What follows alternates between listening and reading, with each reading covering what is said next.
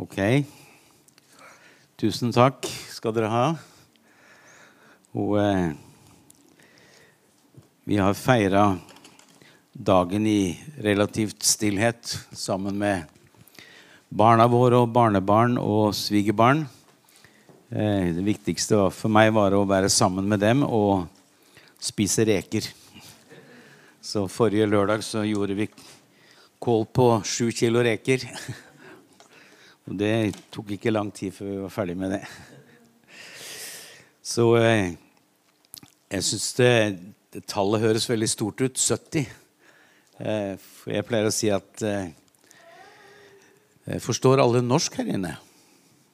Ja? Everybody speaks Norwegian or understand? Ja. Jeg pleier å si at alder det iallfall for mitt vedkommende, det er noe som sitter mellom øra. Eh, det har noe med mentalitet og måte å være på, måten du tenker på, hvem du omgås med og, og sånn. Og eh, jeg har jo folk som jeg gikk på skolen sammen med, som det er jo en hel gjeng nå fra forskjellige klasser som jeg gikk i, som fyller 70 dette året her. Og sånn mentalitetsmessig så går jo flere av de med hatt og stokk for lengst. Eh, måten å være på, attitude og, og sånn. Jeg kjenner at der er ikke jeg. Eh, jeg har gleda meg til å, å, dele Guds ord. Det blir ofte sånn Når jeg deler Guds ord, så blir det i undervisningsform. Eh, fordi vi er forskjellige. Noen er mer sånn preaching. Det hender at det er det også. Alt ifra settingen. Eh, jeg liker veldig godt å snakke til mennesker som, som jeg vet enda ikke har kommet til tro og har tatt imot Jesus. Fordi jeg, jeg selv var der en gang i livet. Og når du har levd uten Jesus og nå får lov å leve sammen med Jesus, så vet du virkelig forskjellen og, og verdsetter det og setter pris på det. Den totale forandringen som det eh, innebærer i hele livet. Og eh, denne sommeren her så eh, var det 49 år siden jeg tok imot Jesus. Eh, og da var jeg 71 år. Nei, 21 år. Eh, så, da, så, da, kan du regne ut at det til sammen blir 70. Eh, eh, og det, det var etter en prosess. jeg vokste jo opp i et kristent hjem, i et kristent miljø. opplevde at forbildet svikta eh, og, og, feila, som gjorde at, eh, at jeg tok avstand ifra Jeg trodde jeg tok avstand fra Jesus, men det var vel mer jeg tok avstand fra det kristne miljøet og, og kirke, fordi det var mennesker som skuffa meg. Og det var mye som eh, jeg opplevde som dobbeltmoral. Eh, men det lå hele tiden en latent lengsel, og det var jo fordi eh, akkurat med meg som med deg, at Gud han har sett oss før vi ble forma i mors liv. Eh, Gud har hatt planer for oss og har planer for deg eh, helt ifra evighet av. Eh, du er en del av Guds drøm.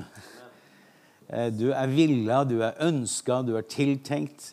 Eh, selv om det kanskje menneskelig sett ikke så sånn ut i omstendighetene rundt deg, og måten det skjedde på, måten du kom til verden på.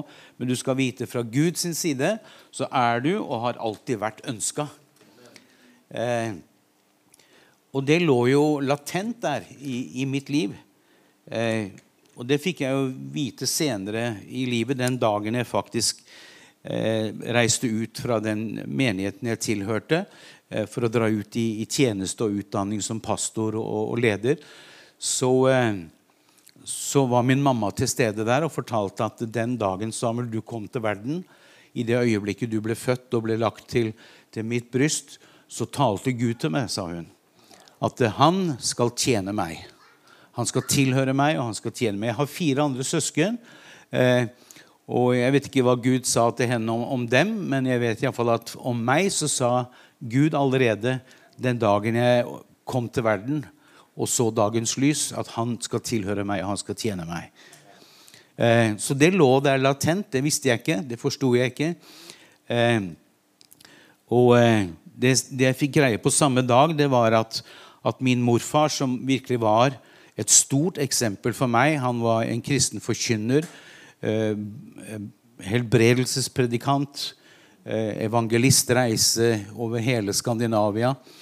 Eh, han hadde også sagt eh, ja, som et profetisk ord at det, kommer en etter meg i min slekt som skal gå inn i den tjeneste og oppgave som jeg står i. Og vi er mange søskenbarn, eh, men det er ingen som, har, som, står i det og har gått inn i det på den måten som jeg gjør. Og det fikk jeg greie på også samme dag som jeg skulle reise ut i tjeneste som, som pastor og, og menighetsarbeider. Eh, så det her lå der. Eh, og kanskje er det ting i ditt liv som eh, du ennå ikke har kommet inn i, men som du kanskje ikke engang vet om. Men Gud har planer for deg. Gud har tanker for deg. Han har tanker til framtid og håp. Eh, og du må ikke begrense eh, tankene om deg selv.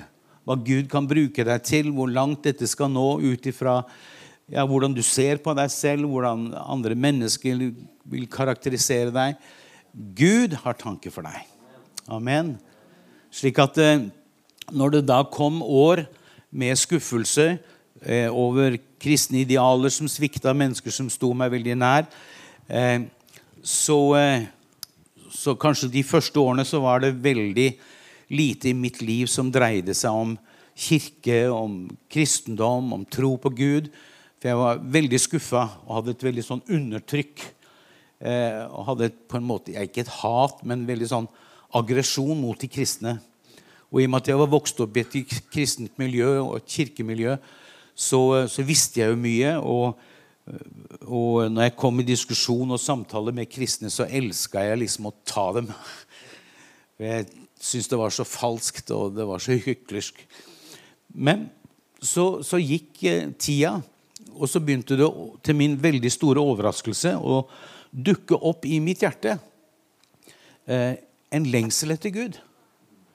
Eh, og det er slik at Guds ord sier, og jeg tror det er tilfellet, at ingen mennesker i seg selv søker Gud. Eh, slik at når vi begynner å få tanker, lengsel, ønske om fellesskap med Jesus og dras mot det kristne miljøet og den kristne troa, så er det en nådehandling fra Gud. Det er nåde at Gud lar sitt lys skinne inn i vårt mørke. At Gud taler inn i vårt kanskje opprør mot Han. Eh, og det var det jeg opplevde. Men, men, Gud gjorde det på en veldig enkel måte.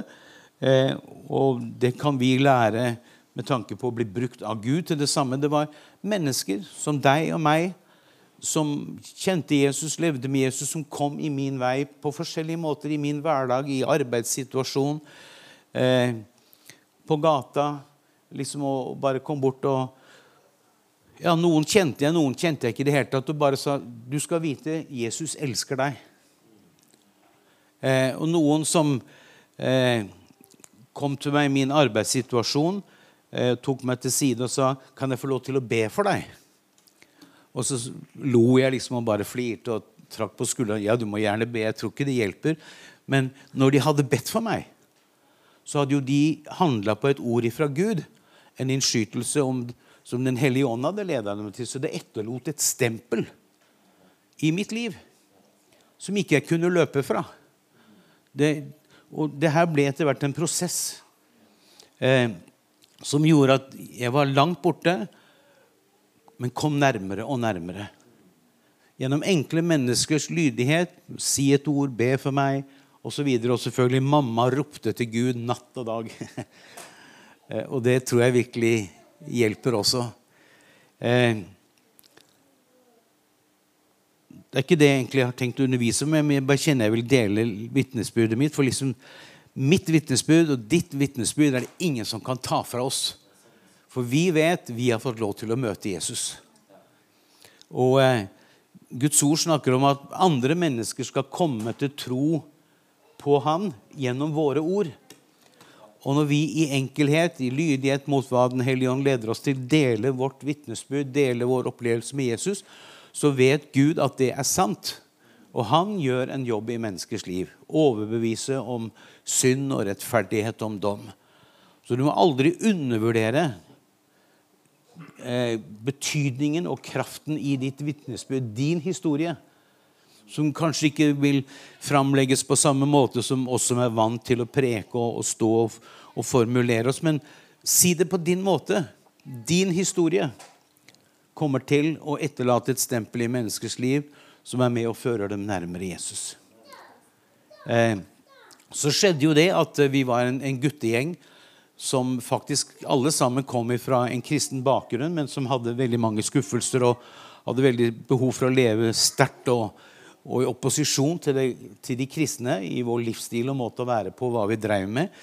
Men så pappaen til en av guttene han, eh, han visste at vi var musikere og sangere og, hadde band og reiste noe rundt omkring og spilte på østlandsområdet. Og spurte om vi kunne tenke oss å være orkesteret i et nystarta kristent ungdomskor i Sandvika utenfor Oslo.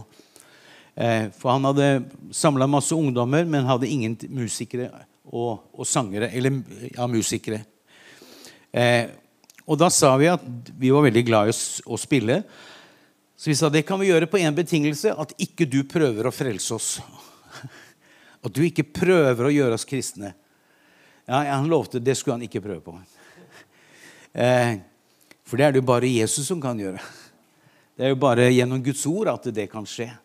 Selvfølgelig Gud kunne bruke han, men det var ikke, eh, han hadde fått et tiltale, et ord fra Gud, om at de gutta der må komme innafor. De må høre Guds ord. De må høre det kristne vitnesbyrdet. Og det er det jeg skal snakke om i dag. Fordi tro kommer gjennom å høre Guds ord.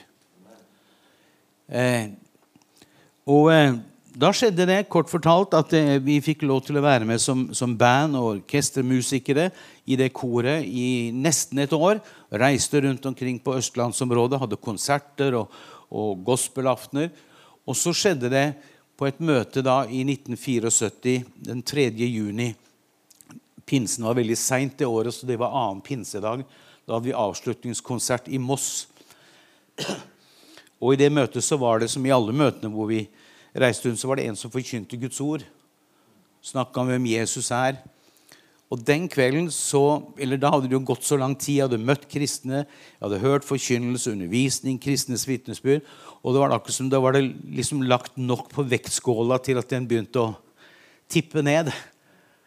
At nå, Samuel, vet du, nå har du hørt gjennom forkynnelsen av Guds ord, så har det kommet noe i ditt hjerte som ikke er av deg selv, en overbevisning, det er rørt ved din samvittighet, som gjør at du kjenner at du må ta en stilling i forhold til Jesus. Hva gjør du med Jesus?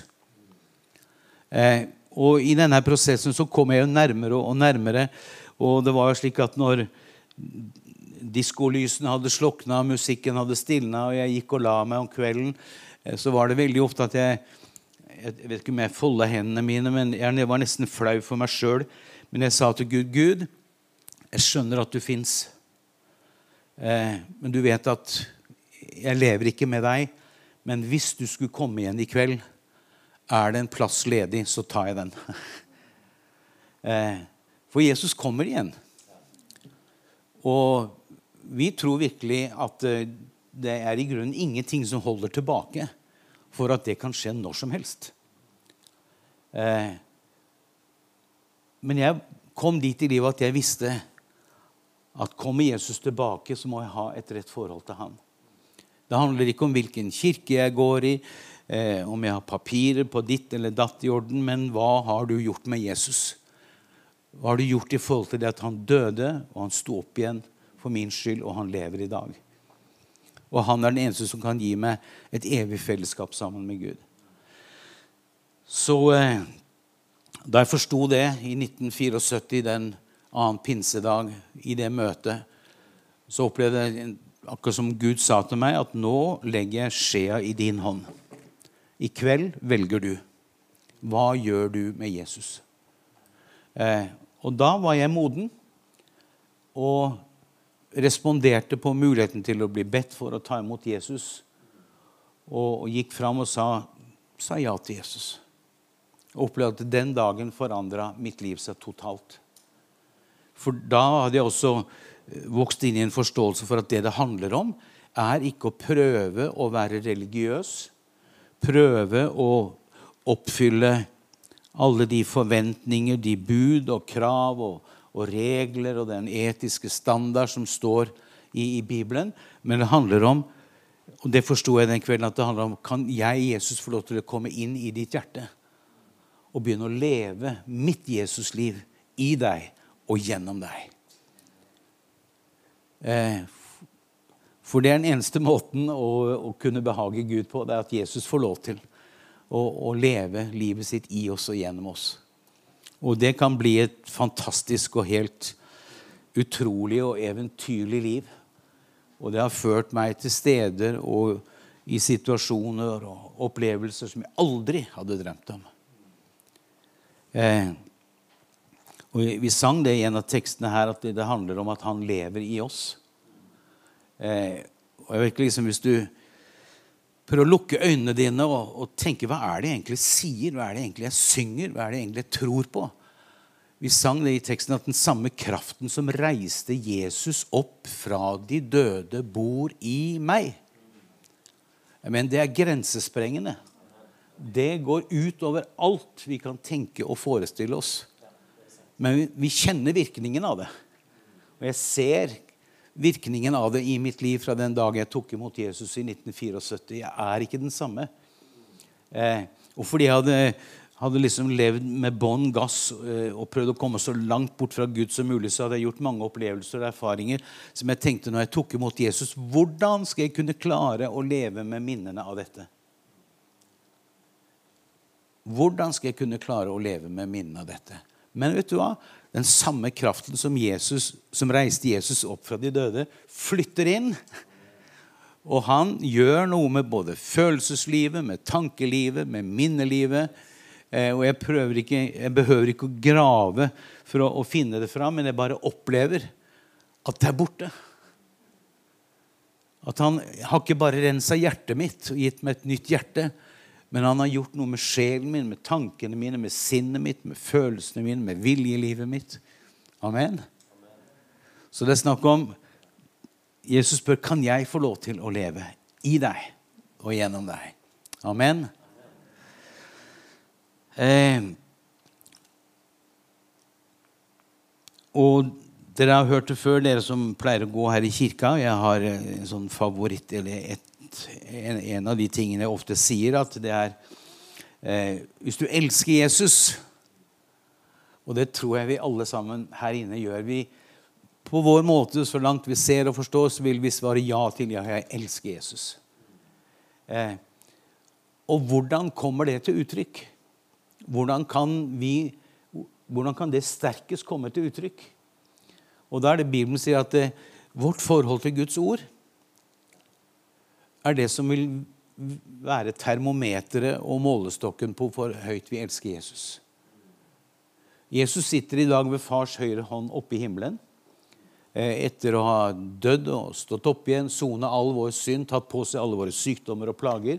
Og Der sitter han og regjerer som konge, og en dag så kommer han igjen. Og jeg sier at det kan skje når som helst, for det er i grunnen ingenting som holder han tilbake i forhold til ting som er forutsagt og skulle sies om når det kan skje. Eh,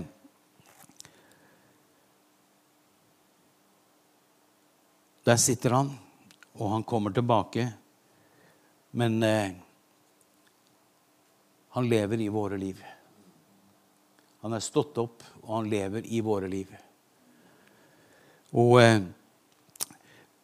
og da Jesus for opp til himmelen, da han hadde fullført frelsesverket, oppgaven sin, og satte seg ved fars høyre hånd, så mottok han Den hellige ånd, Gud den hellige ånd, som han sa skulle bli en stedfortreder, en forsvarer, en som var her i hans sted.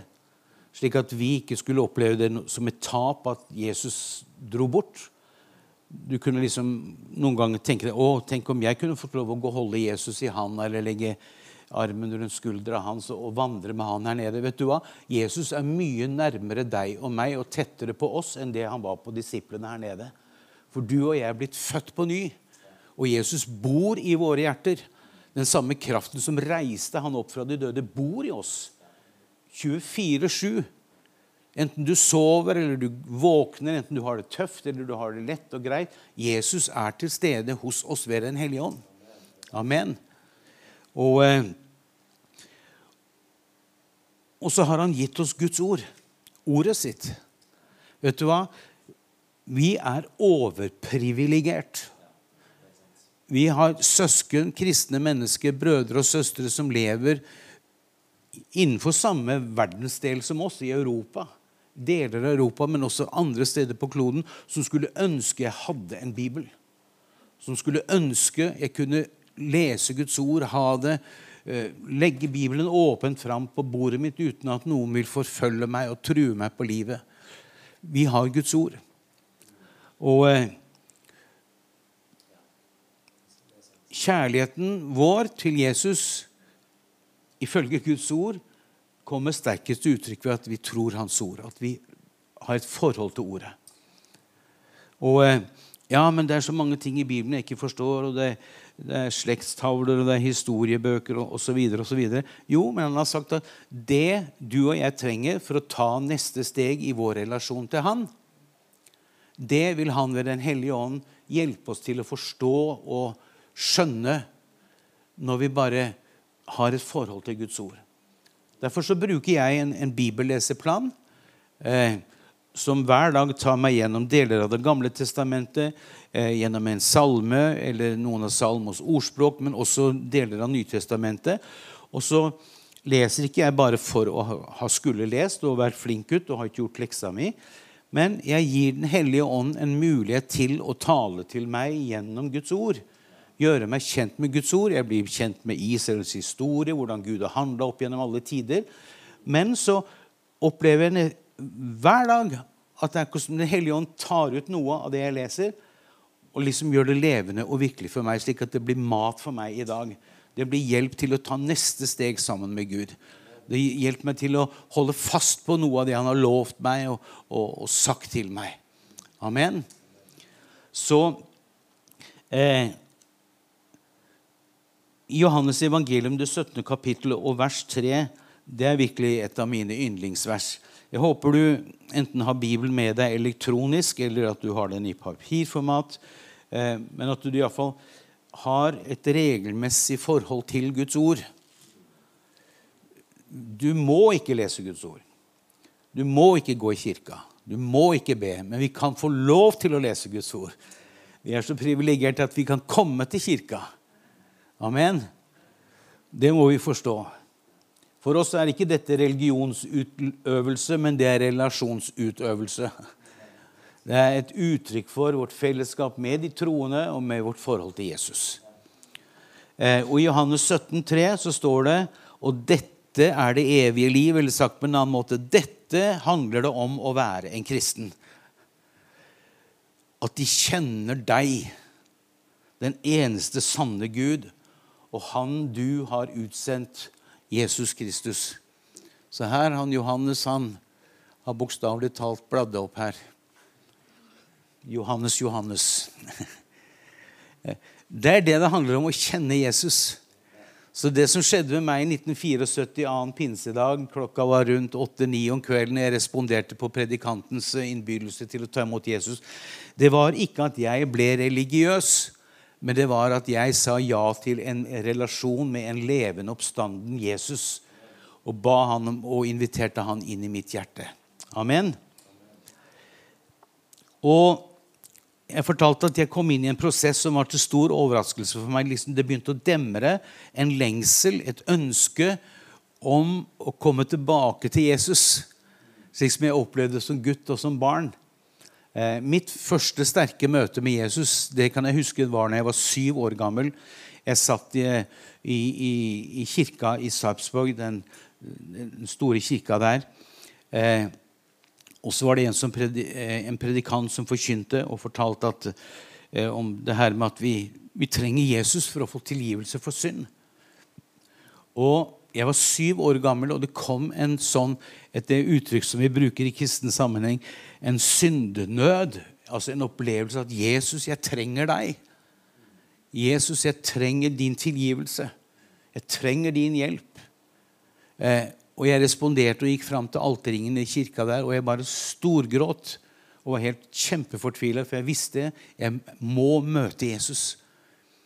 Eh, men det som skjedde eh, i den prosessen ved at kristne kom i min vei og fortalte om Jesus, ba for meg og delte sitt vitnesbyrd, det var at det kom noe i mitt hjerte som bare Gud kan skape og som er en gave fra Gud, og som er en nåde at vi opplever.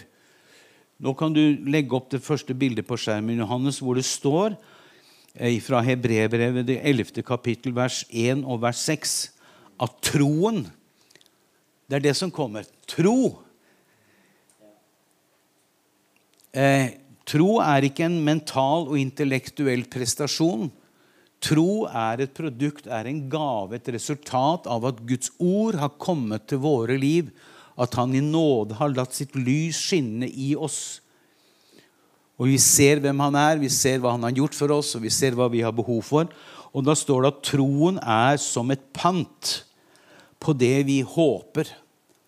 En overbevisning for det vi ikke ser. Det var fra vers 1 i Hebrebrevet 11, og i vers 6 så står det at uten tro er det umulig å være til glede for Gud.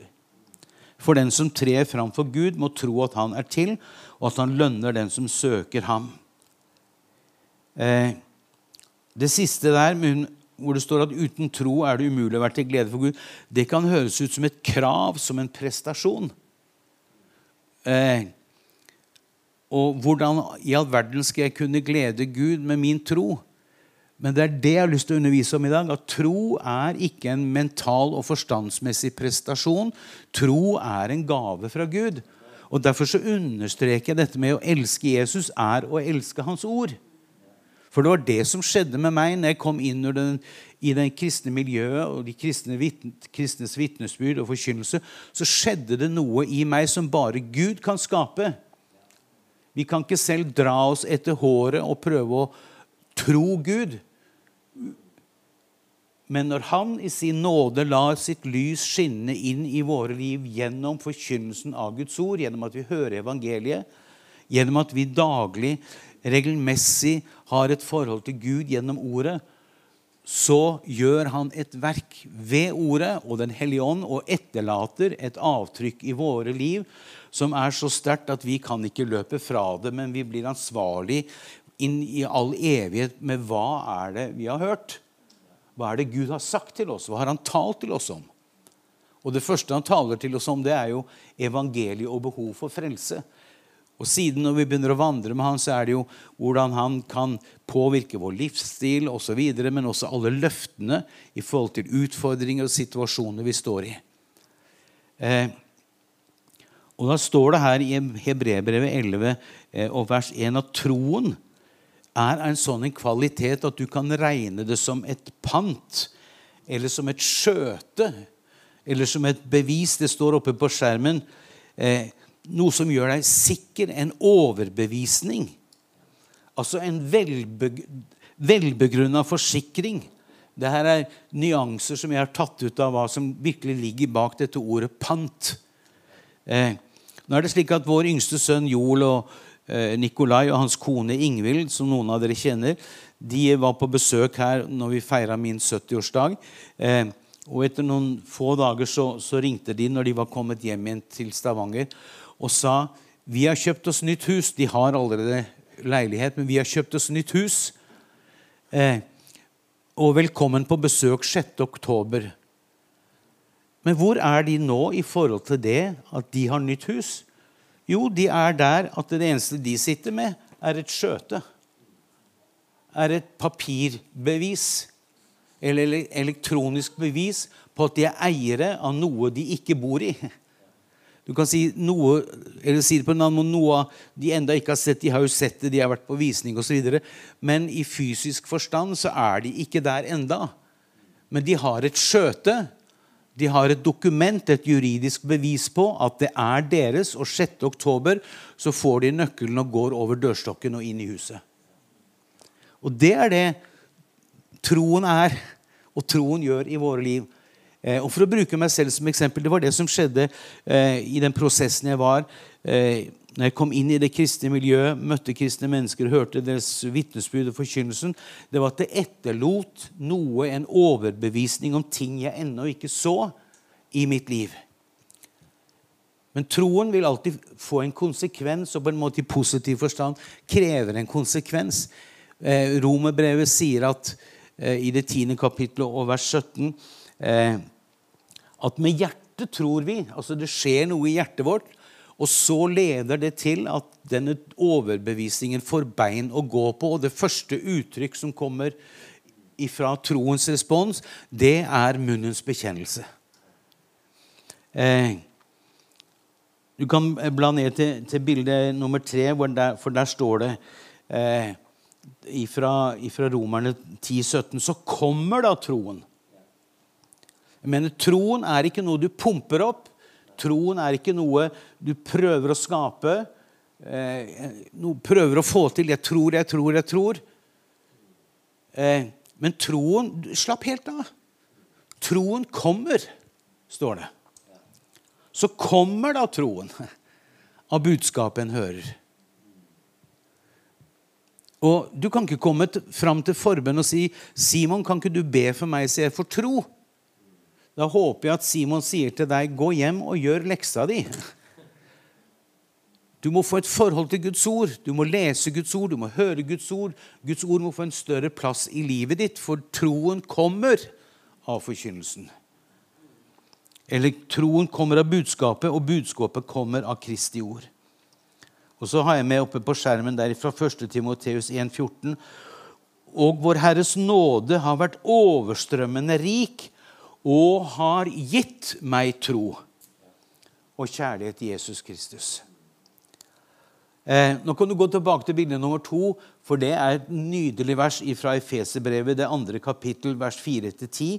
Eh, du kan ta bilde av det som står på skjermen, eh, eller du kan be meg om å sende deg notatene etterpå hvis du vil. Det gjør jeg mer enn gjerne. Eh, men hvis du hopper litt ned på det bildet der, så står det i, i vers 8 som jeg også har opplyst på skjermen. For av nåde er dere frelst ved tro. Og så kommer det Det er ikke deres eget verk, men Guds gave. Så ikke bare er frelsen eh, og nåden en gave, men troen er en gave fra Gud. Det er befriende. Eh, jeg står selv i, i, utfordringer på samme måte som kanskje du sikkert gjør også. Det kan være helsemessig, det kan være i forhold til ja, relasjoner, det kan være i forhold til økonomi, det kan være whatever. Eh, og da er det så deilig å vite at vi kan få lov til å hvile i troa. For troen er ikke vårt eget forsøk på å holde overbevisningen når smertene raser, når relasjonene koker, når problemene bare hoper seg opp. Men vi kan få lov til å hvile og vite at han er troens opphavsmann. Han er troens fullender. Han er den som skal dra det i mål. Han bærer alle ting, står det, ved sitt ord. Men så det er ikke vi som bærer troa vår, men det er troa som er gitt oss av Gud som en gave, som bærer oss. Det er så bra. Og eh,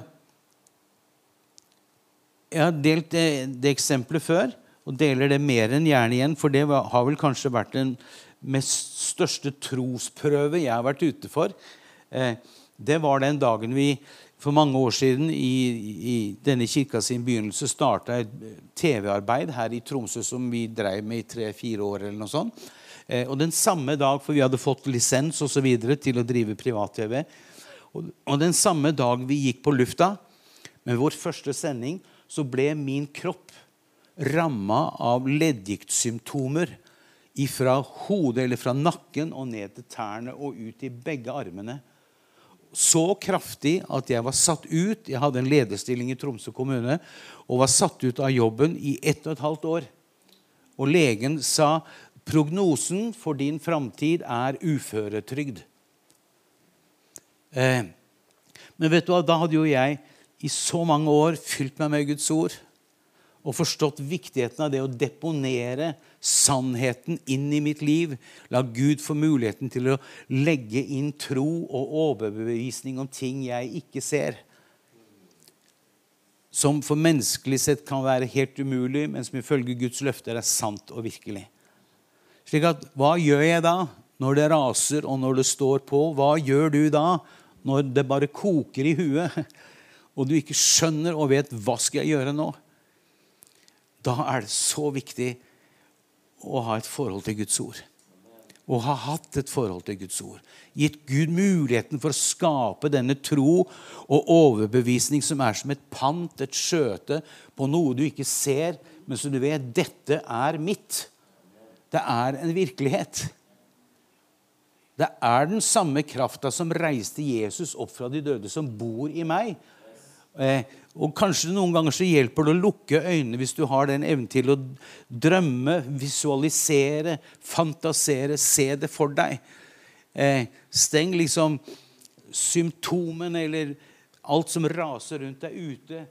Lukk øynene og bare se for deg hvordan denne Guds kraft bare strømmer gjennom det, akkurat som blodet strømmer gjennom alle deler og områder av kroppen din. For det er det som er virkeligheten. Jeg mener, Han lyver jo ikke når han sier at den samme kraft som reiste Jesus opp fra de døde, bor i oss. Det er en virkelighet. Når han sier 'han som er i oss, er større enn han som er i verden'. Når han sier 'alt er mulig for den som tror', ikke som selv prøver å tro og overbevise seg, men alt er mulig for den som har opplevd at Gud har skapt en tro, en overbevisning i våre liv.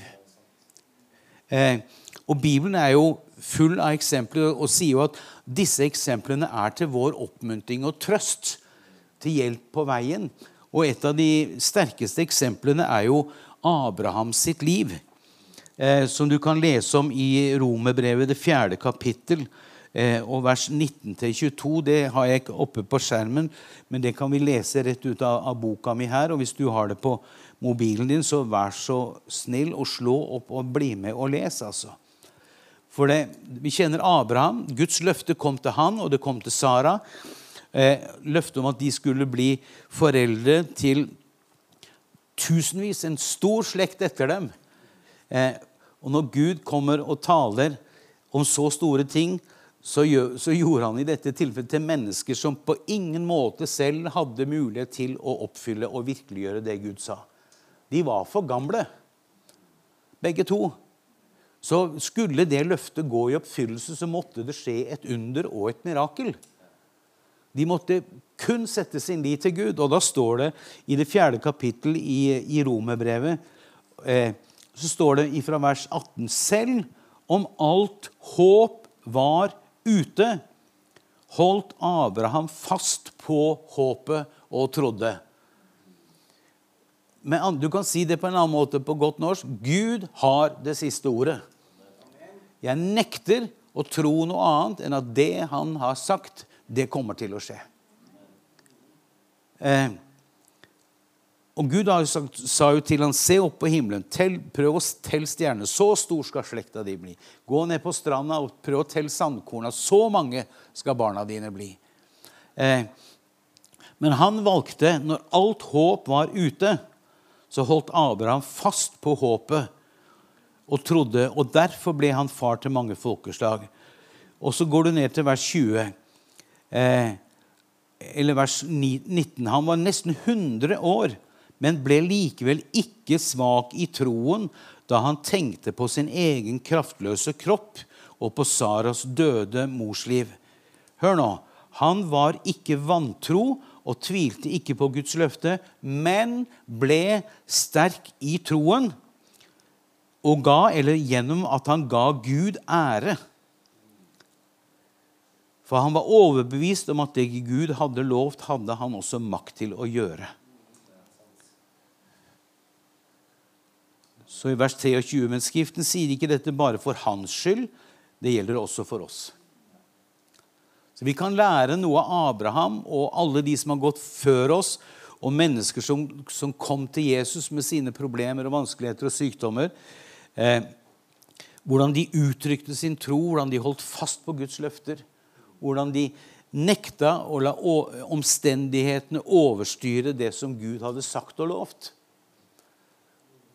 Eh, I hebreerbrevet så står det i det tolvte eller ellevte kapittel at eh, Det er to kapitler som er veldig bra i forhold til dette her med undervisning og forståelse av hva tro er. Eh, så står det i, kapittel 11 troen, der vi allerede lest, troen er et pant på det vi håper på, et bevis for det vi ikke ser.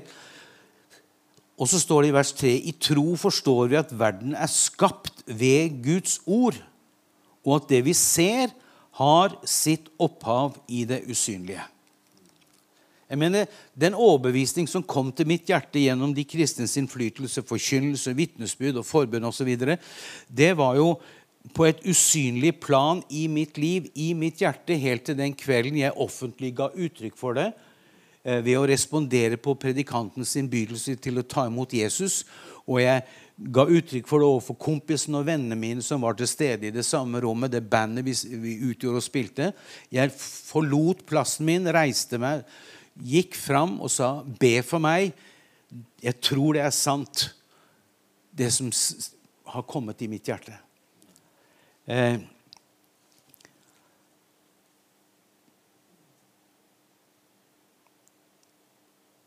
og det var uten følelser. Det var uten vibber på noe som helst måte. Det var nøkternt.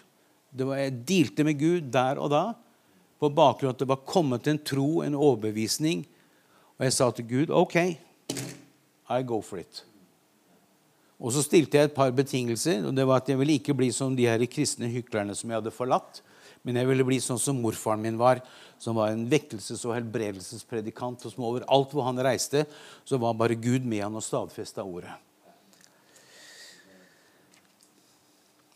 Det jeg prøver å si til deg i formiddag eh, da kan du bare hoppe til siste bilde, Johannes. Eh, der står det i 1. Tesalonikerbrev, det andre kapittelet, vers 13, og det blir liksom slutten på andakten min her. Eh, der står det Og dette ordet er virksomt i dere som tror. Dette ordet, det Guds ord sier, det han har opplyst oss om, det han har talt til oss og gitt oss overbevisning om, det er virksomt i oss. For han er Ordet. Eh, den hellige ånd er den som virkeliggjør, stadfester det ordet i oss. Eh,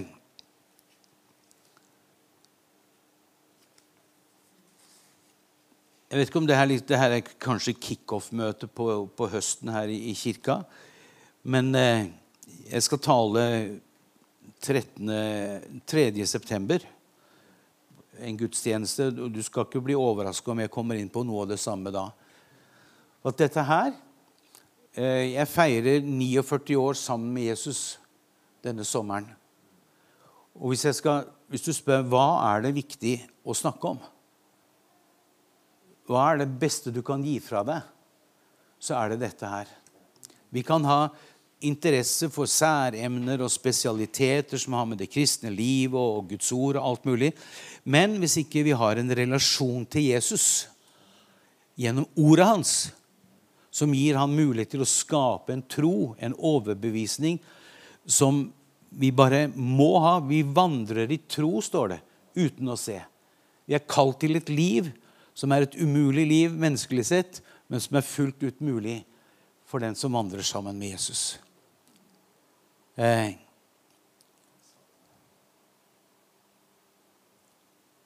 Håper du har det bedre nå enn da vi begynte i stad. At du er litt mer glad. At, eh, at du sier til deg selv det var godt at jeg kom på gudstjenesten i dag. For dette her, det trengte jeg. Amen. Vi bare takker deg, Jesus. Vi bare takker deg, Jesus. Halleluja. Takk at du er det beste som har hendt oss. Takk, Far i himmelen, at du i din nåde kom oss i møte. Og lot oss få lov til å møte deg. Og nå og i all evighet, Jesus, vil vi bare takke og ære deg for din død og din oppstandelse. Takk at du har tilgitt alle våre synder, og du har båret alle våre sykdommer på deg. Vi priser og lover deg. Takk for din beskyttelse over livene våre. Takk at du følger oss på veien framover i det som livet møter oss og innebærer. Vi bare ærer deg, Jesus. Takk for din hånd over kirka vår. Takk for dette blir en høst med vekst og med gjennombrudd og framgang på alle måter. Vi priser deg for det, Jesus. Amen.